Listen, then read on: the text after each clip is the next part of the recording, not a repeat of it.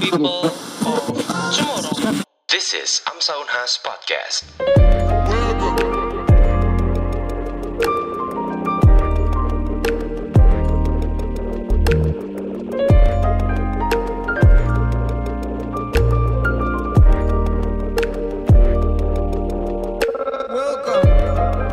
Greetings people of tomorrow, welcome back to Amsa Unhas Podcast. Kenalin, aku Yoristia dari Amsa 20 yang akan menemani listeners buat bahas topik kita yang keren kali ini. Presiden Republik Indonesia Joko Widodo mengizinkan masyarakat untuk melepas masker di ruang terbuka. Namun dengan catatan hanya ketika beraktivitas di ruangan terbuka dan tidak dipadati orang. Akan tetapi, patut diingat bahwa penggunaan masker tetap berlaku di ruangan tertutup dan transportasi publik, masyarakat lansia, maupun memiliki masyarakat yang memiliki penyakit bawaan serta mempunyai gejala batuk pilek. Hmm, ngomong-ngomong masalah topik nih, sadar nggak sih dari podcast-podcast sebelumnya, Amsa Unhas selalu mengangkat tema yang asik banget buat dikupas, yang bikin kita semua betah nungguin tiap episodenya. Episode lalu bahas husband stitch bareng Aulia dan Dr. Ai yang seru dan informatif banget kan? Oleh sebab itu, topik kali ini juga pasti worth the wait. Kayaknya listeners udah sering dengar di berita atau sempat scrolling dan lihat di sosmed. Yap, hepatitis akut misterius pada anak kasus ini sedang naik-naiknya nih di global maupun Indonesia sendiri. Saking viralnya, bahkan banyak hoax yang beredar di kalangan masyarakat. Oleh sebab itu, kita akan kupas sama-sama mulai dari pengertiannya, penularannya, sampai ke bagaimana pencegahannya bersama narasumber yang tentunya ahli di bidangnya. Dr. Setiabudi Salekede, spesialis anak konsultan. Beliau merupakan Head of Indonesian Pediatric Society Branch of South Sulawesi. Duh, makin gak sabar kan? Langsung aja kita sapa. Selamat sore, dok. Bagaimana, dok, kabarnya? Selamat sore. Alhamdulillah keadaan saya baik-baik. Alhamdulillah, dok. Baik, dok sebelum mengetahui lebih dalam tentang hepatitis akut misterius pada anak ini, sebenarnya definisi hepatitis itu sendiri apa sih dok? Yeah. Iya. Uh, terus yang membedakannya dengan hepatitis akut misterius yang menyerang anak ini apa dok? Ya, terima kasih. Uh, Oke, okay. untuk menjawab pertanyaan pertama ya, sebelum yang pertanyaan tadi, apakah sebenarnya definisi dari hepatitis itu? Ya, pertanyaan pertama ya. Hepatitis itu adalah infeksi pada hati. Itu definisi secara umum. Penyebabnya bisa virus, bisa infeksi, bisa karena autoimun, bisa karena obat-obatan atau alkohol. Dan pada anak-anak tidak mungkin kan karena alkohol, jadi umumnya karena infeksi. Ya. Uh, Infeksi itu bisa karena virus, bisa karena bakteri. Nah, pertanyaan kedua, tadi apa pertanyaan kedua? Kalau tidak salah apa bedanya dengan hepatitis yang sudah kita kenal selama ini? Ya, uh, yang kita kenal selama ini hepatitis yang disebabkan oleh virus pada umumnya, yaitu virus hepatitis A, virus hepatitis B, virus hepatitis C, D, dan E. Pada kasus yang sekarang sering disebut dengan hepatitis misterius, walaupun istilah misterius ini cukup bikin bikin kaget kita semua, adalah penyebabnya belum diketahui sebetulnya. Bukan hepatitis A, bukan virus hepatitis B, C, D, dan E. Nah, itu itu pengertiannya ya. Jadi yang biasa kita kenal adalah Eh, eh, hepatitis virus ABCD, sedangkan yang sekarang ini bukan karena virus hepatitis ABCD E. Ya, itu jawaban saya. Um, baik dok, uh, jadi yang merupakan penyebab hepatitis ini masih misterius itu karena penyebabnya ya dok yang belum diketahui. Ya. Uh, lalu dok, uh, apakah dari hasil-hasil tes yang di yang dilakukan uh, itu menunjukkan dia itu uh, sama seperti hepatitis lainnya dok atau bagaimana dok? Uh, dari segi gejala itu hampir sama yaitu adanya sindrom jaundice atau sindrom kuning. Jadi anak ditemukan kuning, ya uh, urinnya warna pekat, ya terus buang air besar atau tinjanya warna dempul, ya uh, terus karena kalau sekarang ini disertai bisa disertai dengan gejala gastrointestinal, bisa diare, ya bisa ada demam, nah, mual, muntah. Jadi kita masuknya kalau kita sini kami gejala klinis ada ada terus, ada uh, urin warna pekat dan tinja warna agak pucat. Ya, baru kita lacak ke pemeriksaan selanjutnya dan dan kita berangkat dari pemeriksaan kadar SKOT SGPT yang biasanya lebih dari 500 internal unit per liter. Itu jawaban saya ya ya. Oh ya, baik dok.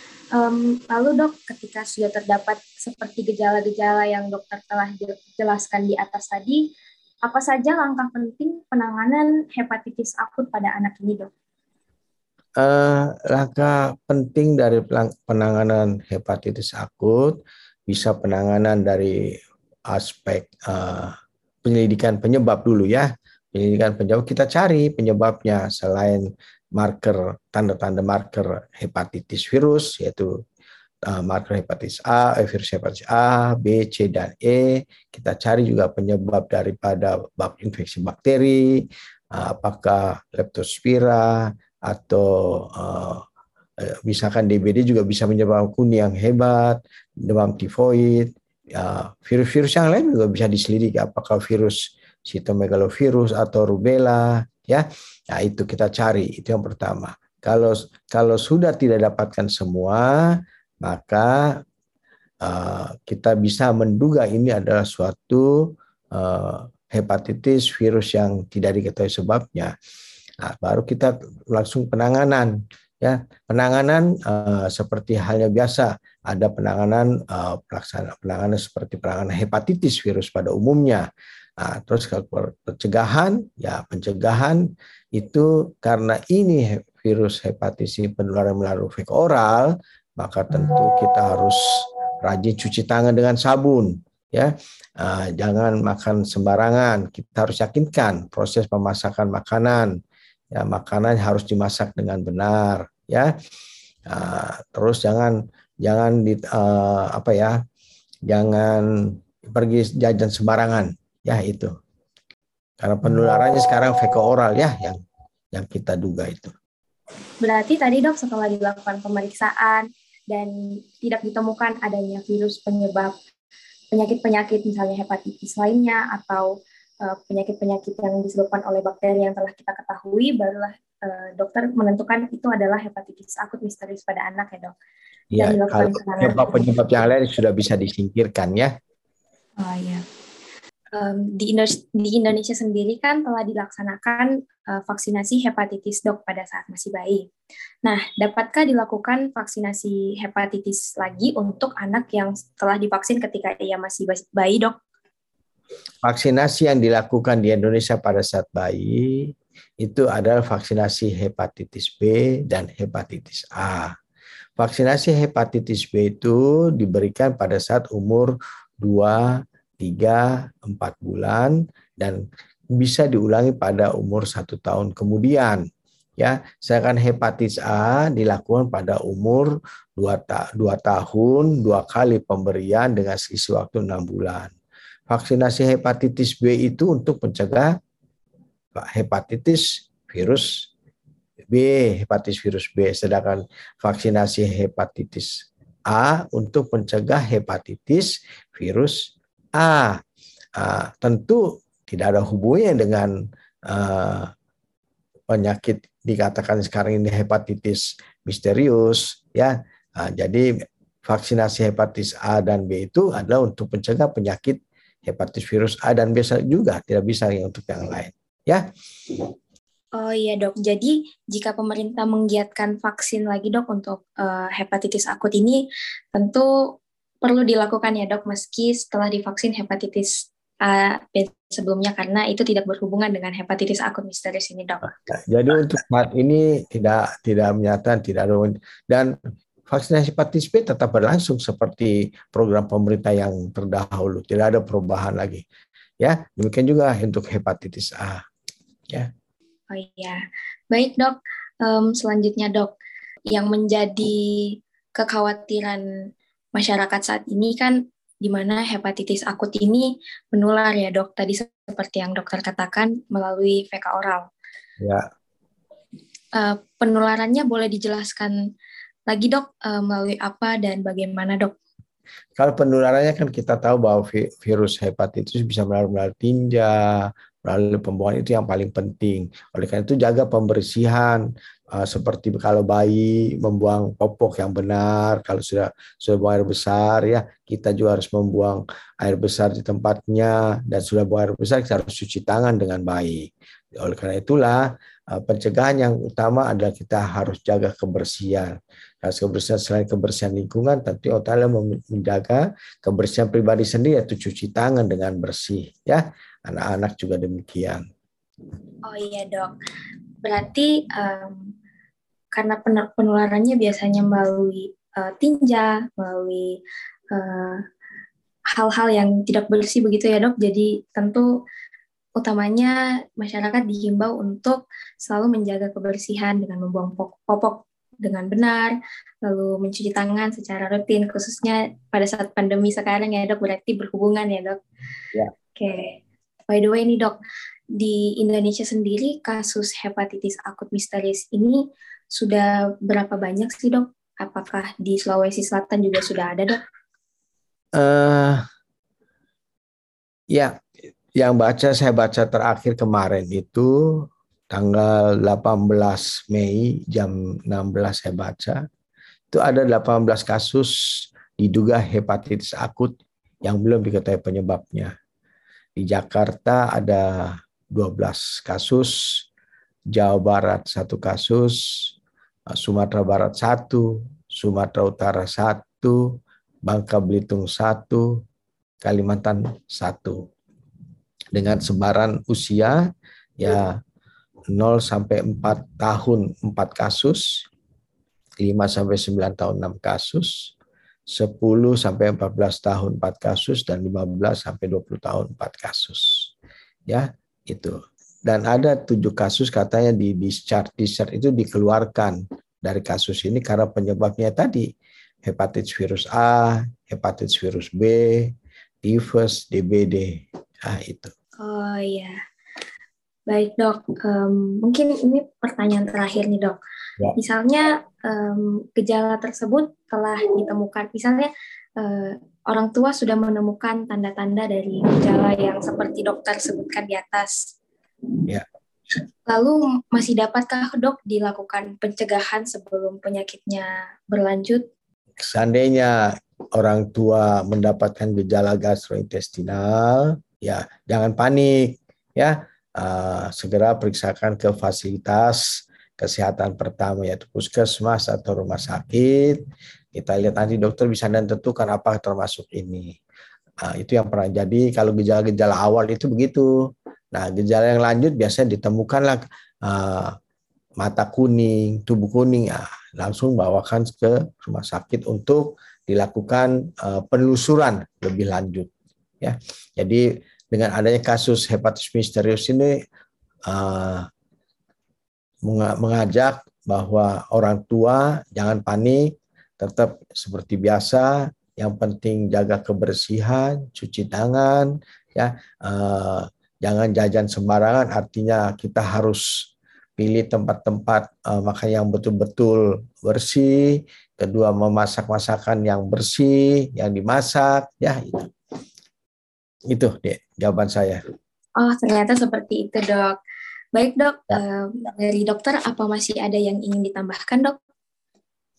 Uh, tidak perlu uh, yang saya tambahkan seperti komentar saya yang terakhir bahwa dengan ada kejadian luar biasa ini yaitu hepatitis virus yang tidak kita penyebabnya ya jangan kita sebagai orang tua atau keluarga jangan panik Yang gejala awalnya memang merupakan gejala gastrointestinal, maka kalau ada gejala itu bisa diperiksakan.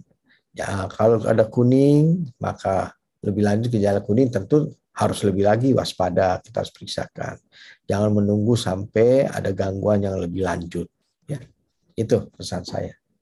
Ada ada definisi-definisi atau kata yang perlu diketahui dengan adanya kejadian luar biasa ini. Jadi kalau konfirmasi, eh, kalau eh, kalau dia atau teman-teman yang lain menjawab apa itu konfirmasi, berarti belum diketahui penyebabnya.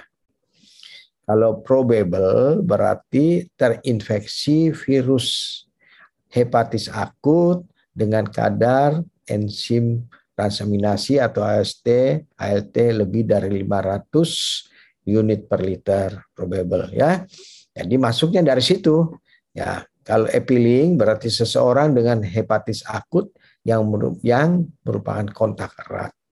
Sedangkan pending klasifikasi ya berarti kriteria terpenuhi tapi serohepatitis A sampai C itu belum dapat ditentukan pending terpending ya sedangkan di chart adalah uh, presentasi klinis dengan penyebab penyakit lain seperti tadi dikatakan ada tujuh kasus di chart dikeluarkan karena penyebab sudah diketahui ya, hepatitis A, hepatitis B, demam demam berdarah, tifus, ya itu ya. Jadi tentu kalau nanti Aditya membaca-baca ada istilah apa itu konfirmasi, probable, appealing, pending klasifikasi dan bisa tentu sudah sekarang sudah lebih paham ya. So, ya, terima kasih dokter atas penjelasannya serta listeners yang antusias dengerin sampai selesai.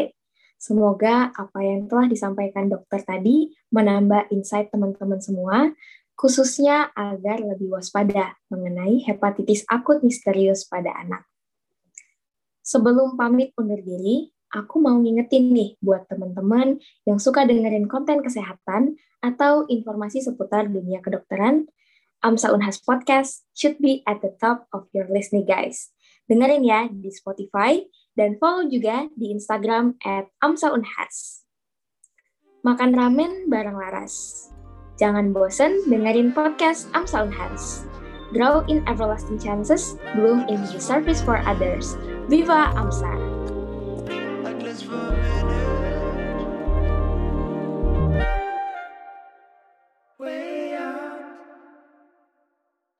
Thank you for listening to Amsaunhas podcast. Listen to our previous episode on Spotify and Apple Podcast. Let us know if you have comments and reach us on our Instagram at Amsaunhas. FIFA Amsa,